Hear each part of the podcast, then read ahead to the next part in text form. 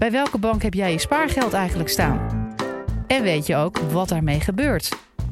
Belegt je bank in duurzame initiatieven of stopt ze het als aandelen in fastfoodketens?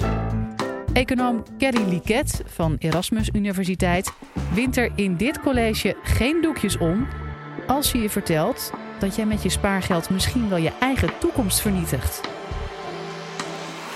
Dit is de Universiteit van Nederland. In de herfst was ik uh, op vakantie in Spanje. En dat was echt heel fijn. We waren in the middle of nowhere in de bergen. En we waren op zo'n plek waar het dan nog warm is. Het was hier koud en regenachtig. En een plek waar alles kon. De kinderen mochten daar vrij spelen, walnoten zoeken, slangen vangen. We hadden heel veel plezier met elkaar. En ik zag mijn uh, zoontje, ook zo, zeven jaar, die uh, ging wat proberen op het fietsje van zijn kleine zusje, namelijk om daar wheelies op te maken, zo op het achterwiel. Het was op de verharde binnenplaats en uh, ik zag dat natuurlijk al fout gaan, maar ik wou niet zo'n voorzichtige moeder zijn. Dus ik vertelde mezelf niet mee bemoeien, liep het huis in om een wijntje in te schenken. Tien seconden later hoorde ik de kok schreeuwen. Mijn man rende langs me heen naar buiten. En toen ik buiten kwam, was zijn witte t-shirt helemaal bebloed en dat gutste uit het gezicht van mijn zoontje. Ik voelde aan zijn neus of die gebroken was, maar het bloed leek meer uit de mond te komen. En toen hij die opende, zag ik dat de voorkant van zijn tong in tweeën gesplitst was. Blinde paniek natuurlijk. Mijn vader, als een soort superheld, had de auto al gestart. We laden ook zo de auto in en we begonnen aan de tocht van de berg af naar het dichtstbijzijnde ziekenhuis. Daar aangekomen was er zo'n tengere Spaanse zuster en die deed de intake, wat er dan aan de hand was. Het was nogal lastig met dat Spaans, en, uh, maar uiteindelijk kregen we het over de bühne en mochten we even gaan zitten. Dat was nou niet echt wat wij verwacht hadden. Wij dachten dat er een soort team met chirurgen aan zou komen die dan die tong zou hechten. Want ook zo die viel ondertussen al tussen bewustzijn en onbewustzijn. Maar nee, ik weet niet of je dat zelf wel eens hebt gehad als je op de eerste hulp komt. Het lijkt alsof iedereen voorgaat, terwijl vanuit jouw perspectief lijkt jij toch echt de meest urgente casus. Er zat een man en die had wat last om te ademen en die mocht voor, terwijl wij nog zaten te wachten. Nou, dat was dan nog wel te begrijpen. Maar vervolgens ging ook nog een jonge vrouw voor. En met haar leek er gewoon echt niks aan de hand. Wat is er mis met deze mensen? Is het hier gewoon first come, first serve of zo in het, uh, de eerste hulp in Spanje? Toen we eenmaal aan de beurt waren, kreeg ook zo netjes twaalf hechtingen door zijn tong. En later zal hij gewoon met meisjes mooi kunnen zoenen. Ja, zielig hè? Het is weer helemaal netjes geheeld. We zijn alweer maanden verder. Maar mijn man was toch wel heel nieuwsgierig wat daar nou gebeurd was toen wij aan het wachten waren. Dus hij vroeg dat aan de chirurg, die overigens wel prachtig Engels sprak. Hoe kan het nou dat we zo lang moesten wachten? En de chirurg legde hem een concept uit van triage. Triage staat voor het gebruiken van de energie, de medische aandacht die we hebben. Eén chirurg was er voor die mensen die het het hardst nodig hebben. En wat we ook op kunnen lossen, dus waar we eigenlijk weinig middelen voor nodig hebben. We maken eigenlijk een soort prioritering. Dat is wat die tengere Spaanse zuster dus aan het doen was. Zij schatten in, wij waren dus blijkbaar niet de rode categorie, hoe urgent het was om ons te helpen en hoe oplosbaar ons probleem eigenlijk is. En op die manier hebben ze in die avond alle drie de mensen geholpen. Want die vrouw waar niks mis mee leek, had een acuut nierfalen, wat een van de meest voorkomende doodsoorzaken is op de eerste hulp. En vanavond wil ik met jullie praten over triage, deze manier van keuzes maken. Want als we nadenken over onze eigen keuzes, hoe zijn die dan zo anders dan die van de dokter? Het voelt, als je zelf in paniek bent en met je zoontje daar bij de eerste hulp komt, als echt heel oneerlijk dat iemand anders voorgaat. Maar het is natuurlijk de enige morele manier om keuzes te maken. Om zoveel mogelijk mensen te helpen met de gelimiteerde middelen die we nou eenmaal hebben. Toen ik voor het eerst over deze gedachteschool hoorde, toen werkte ik zelf in Bangalore in India. Ik deed ontwikkelingshulp en ik dacht dat mijn morele ik toch wel helemaal op orde was. Maar mijn hoofd ging wel een beetje pijn doen toen ik over deze theorie hoorde. Het is een gedachteschool die het effectief altruïsme genoemd wordt, waar we met een triage manier kijken naar goed doen. Want ik als witte, hoogopgeleide vrouw in Bangalore waren er geen andere manieren waarop ik meer impact kon hebben. Het antwoord is ja. Ik ben een initiatief gestart dat heet Effective Giving. En met een groep filantropen denken we op deze triage manier na over ons goed doen. Niet zomaar gokken of vallen voor het zielige, schattige jongetje. Maar goed nadenken hoe we zoveel mogelijk mensen zoveel mogelijk kunnen helpen. En op die manier proberen we een verschil te maken met elkaar. Dat stelt me ook in staat om 20% van mijn inkomen weg te geven aan goede doelenorganisaties. En daarmee hou ik meerdere mensen in van die lokale NGO's aan het werk. Ten opzichte van dat dus zelf doen. Oké, ik ben dus niet in Bangalore nu, want ik dacht dat ik op deze manier meer effect kon hebben. Maar laten we dit dus met elkaar gaan oefenen. En dan kun je daarover nadenken met je spaargeld, maar dan zit er tussen jou en dat spaargeld nog die bankier. Dus laten we het eerst even doen met geven. En dan heb ik een cadeautje voor jullie allemaal. Jullie hebben namelijk allemaal een euro van me gekregen. 1 euro, iedereen. En die mag je weggeven. Nou, niks is mooier dan dat. We zijn soms een beetje in de war, maar mensen worden gewoon gelukkig van geld weggeven. Dus dat gaan we doen met elkaar. En ik geef jullie drie opties waaraan je dat geld kan geven. Drie organisaties. De eerste organisatie is Make-A-Wish Foundation. Misschien kennen jullie die wel. Make-A-Wish Foundation laat een wens in vervulling komen van een chronisch ziek kind. Bijvoorbeeld, ik wil nog heel graag een keer Justin Bieber ontmoeten. Of uh, kan ik voor een dag Batman zijn? De tweede optie is de Against Malaria Foundation. Zij delen malaria-bednetten uit en informeren mensen waarom het belangrijk is om vooral in het malaria-seizoen daar toch echt goed onder te slapen. En de derde is Playpumps. En Playpumps is een organisatie in Zuid-Afrika die van die oude handpompen weghaalt en verplaatst voor een soort draaimolen waar kinderen op spelen. En door het spel van de kinderen wordt het water omhoog gepompt. Nou, dat zijn jullie drie opties. Dus ik ben benieuwd waar jullie je euro aan uit willen geven. De meeste van jullie hebben gekozen voor Playpumps. Ook heel populair was de Against Malaria Foundation. En de minste hebben gekozen voor Make-A-Wish. Dan gaat het dus al best wel goed met de triage manier van kijken. Want stel je nou eens voor dat deze drie opties eigenlijk deze drie patiënten van de dokter waren.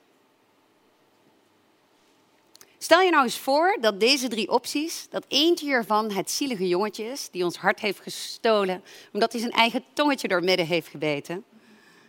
En de andere twee de patiënten die nu urgent hulp nodig hebben. Omdat ze anders misschien wel sterven. Als we op die manier kijken, dan zien we dat er enorme gaten zitten in de impact die deze organisaties kunnen realiseren in de wereld. Bedenk eens dat we samen 10.000 euro hadden gegeven aan bijvoorbeeld Make-A-Wish. Wat hadden we dan gecreëerd in waarde? Nou, gemiddeld kan Make-A-Wish Foundation voor 10.000 euro één zo'n wens in vervulling laten gaan. Dat is de gemiddelde kosten van één wens voor een chronisch ziek kind. Zo'nzelfde 10.000 euro koopt voor ons, als we hem aan Against Malaria Foundation zouden geven, 5000 malaria-netten. Daar slapen mensen onder en twee of drie van die mensen gaat niet dood als gevolg van het slapen onder die netten. Laat staan hoe geweldig het voor al die andere mensen is om niet ziek te zijn van malaria. Diezelfde 10.000 euro, als we dan heel even een beetje genereus nog 4.000 euro bovenop gooien, koopt zo'n playpump. Nou, dat is natuurlijk een geweldig innovatief idee. Het jammer is alleen dat uit onafhankelijke evaluaties blijkt dat die communities helemaal niet blij zijn met die playpump. Die kinderen die gaan naar school. Die willen helemaal niet op die draaimolen. Dus uiteindelijk, toen die dorpen bezocht waren, waren het de oude vrouwtjes die met zo'n stomme draaimolen rond moesten. En dat duurde maar om dat water uit de grond te krijgen. Al die communities wouden die oude handpomp terug. Het is van tevoren lastig. We hebben de zuster nodig, de strengere Spaanse zuster, om deze inschatting goed te kunnen maken. We hebben een triage manier van kijken nodig. Waar kunnen we met onze beperkte middelen, die ene euro, het meeste verschil maken? De gaten zijn gigantisch. Nou, gaan we na vanavond natuurlijk allemaal een extreem effectieve goede doelenorganisaties geven. Ga dus niet op je onderbuikgevoel af. Ga naar organisaties die onafhankelijke evaluaties doen van goede doelenorganisaties. Zoals de Amerikaanse club GiveWell. Of in Nederland komt er in april een hele sexy app uit. Die heet Kinder. Ja, van Tinder, maar dan Kinder. Waarin je kan swipen tussen effectieve goede doelenorganisaties. En geef eens wat weg en red dan gewoon een paar mensenlevens. Ondanks dat je misschien geen dokter bent. Dat is toch fantastisch? Maar terwijl je op die manier de wereld echt aan het veranderen bent, eet jouw spaargeld jouw toekomst op. Dus laten we ons daar zorgen over gaan maken. Ook bij dat spaargeld is triage de key. Alleen al niet van onszelf, maar van die bankier. En dan gaat het er vooral om dat hij dus geen triage toepast. Hoe kijken bankiers naar of jouw spaargeld nou waarde aan het creëren is voor de toekomst of aan het vernietigen? Nou, zeggen de Nederlandse banken, jongens, daar hoeven jullie helemaal geen zorgen over te maken. Wij hebben het voor elkaar. De wereld, wij zorgen ervoor. Rabobank is alvast trots op de toekomst, zegt de slogan. Maar is dat wel zo? Wat zijn die banken aan het doen met ons spaargeld? Ja, banken zijn bezig met duurzaamheid. Maar hoe doen ze dat? Ze doen het zoals het publiek vaak kijkt naar goede doelenorganisaties. We komen met een heel set aan criteria, best wel arbitrair, die eigenlijk weinig relatie hebben met die echte waardecreatie. Hoeveel verdient de directeur? Hoeveel procent gaat naar de projecten? Maar niet de vraag, wat koopt dat geld nou in waarde? Hoeveel mensen helpen we en hoe goed helpen we ze nou? We hebben in investeringsland ESG-criteria, Environment Society Governance, of MVO-criteria, maatschappelijk verantwoord ondernemen. En op die manier zeggen bankiers, wij zorgen ervoor dat er niks misgaat. Wij zorgen voor de wereld. Maar kijk dan naar een bedrijf zoals American Tobacco. Die scoort dus nummer 1 op een van die lijstjes, Dow Jones Sustainability Index. American Tobacco. Mijn gevoel is dat we're missing the point. Ja? Dat kan natuurlijk niet waar zijn. Op al die andere lijstjes doen ze het geweldig. We moeten met zo'n triage manier ook naar die bedrijven kijken. We willen weten welk bedrijf is nou Make-A-Wish Foundation, welk bedrijf is de Against Malaria Foundation en welke zijn de playpumps. En dan willen we besluiten of ons geld daarin zit. Dat kan, zegt een groepje ambitieuze jongens in Oxford. Die hebben de UTIL-methode ontwikkeld. Zij proberen dus echt te kijken of net net een bedrijf nou eigenlijk meer waarde vernietigt of meer waarde creëert. En dan kan jij kiezen of jij aandelen wil in dat bedrijf. We willen waarde creëren met ons geld. We zijn aan het sparen voor die toekomst, terwijl we hem via onze spaarrekening aan het opeten zijn. Maar maak je geen zorgen, zeggen de banken. Weet je wat je kan doen? Je kan ook iets meer risico nemen. Dan gaan we impact-investeringen doen. Impact-investeringen zijn de heilige graal van de nieuwe economie.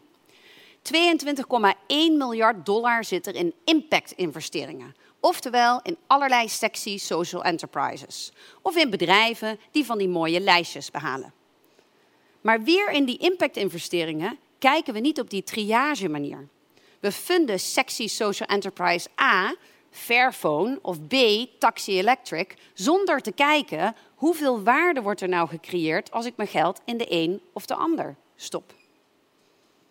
En dat willen we niet. Wat nou een fantastisch idee zou zijn, is als je nadat je die effectieve donaties hebt gedaan, hè, even niet die koffie, maar even dat leven redden, dat je dan even de ING belt. En dan vraag je aan de ING, waar zit mijn geld eigenlijk in? En dan zegt de klantenservice, ja, oh, jeetje, moeilijke vraag zeg. Ja, maar jullie zijn toch een bank, dat is toch wat je doet. Waar zit het nou in? Nou, ik heb het laatst gedaan, dan word je tien keer doorverbonden voordat je met iemand spreekt die überhaupt iets te zeggen heeft. En die gaat dan vertellen, nee joh, het is veel te makkelijk hoe jij er naar kijkt. Het is allemaal risicospreiding, heel lastig verhaal, maar we hebben wel een zwarte lijst. Oké, wat betekent dat? Nou, jouw geld zit niet op de in bedrijven die op de zwarte lijst staan. Wat staat daar dan op? Nou, uh, bijvoorbeeld wapens en zo. Oké, maar ik wil graag weten waar het wel in zit. Waar zit mijn geld nou eigenlijk in? En dan gaan ze je nog 15 keer doorverbinden, allerlei moeilijke woorden later. En heel misschien kom je uit op een lijstje. En dan zul je waarschijnlijk zien dat Coca-Cola daartussen staat, McDonald's daartussen staat. Nou, stel dat jij het geen briljant idee vindt dat jouw geld faciliteert dat mensen ongezonde producten worden aangesmeerd. Stel dat je vegetariër bent en helemaal niet ziet zitten dat jij McDonald's aan het faciliteren bent. Kun je vragen, mag ik daar dan uit? Nee, meneer, sorry. Nee, dat, nee, dat kan echt niet. Nou, zegt Triodos Bank dan, kom je lekker bij ons. Want wij zijn de duurzame bank. Wij zorgen voor de wereld. Maar ook bij Triodos Bank, als je in hun portfolio kijkt, hebben zij die triage manier niet toegepast.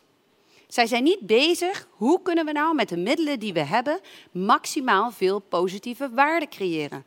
En proberen om geen waarde te vernietigen. Ik hoop dat ik jullie een beetje enthousiast heb gemaakt over de triage manier van kijken. Jullie gaan allemaal wat weggeven aan super effectieve goede doelenorganisaties. En de klantenservice van de banken krijgen het hartstikke druk morgen. Want jullie gaan vragen waar je geld in zit. Het enige wat zij doen is jullie een service verlenen. Dus als jullie erom vragen, dan moeten zij antwoorden. En gaan ze misschien bewegen. Maar natuurlijk zijn we ook een beetje lui. Dus ik wil jullie als afsluiter deze tweet meegeven die David, David Slack tweette. Hij is echt geweldig. Remember sitting in history class thinking, if I were alive then? Well, you are alive now. Whatever you're doing is what you would have done. Dankjewel.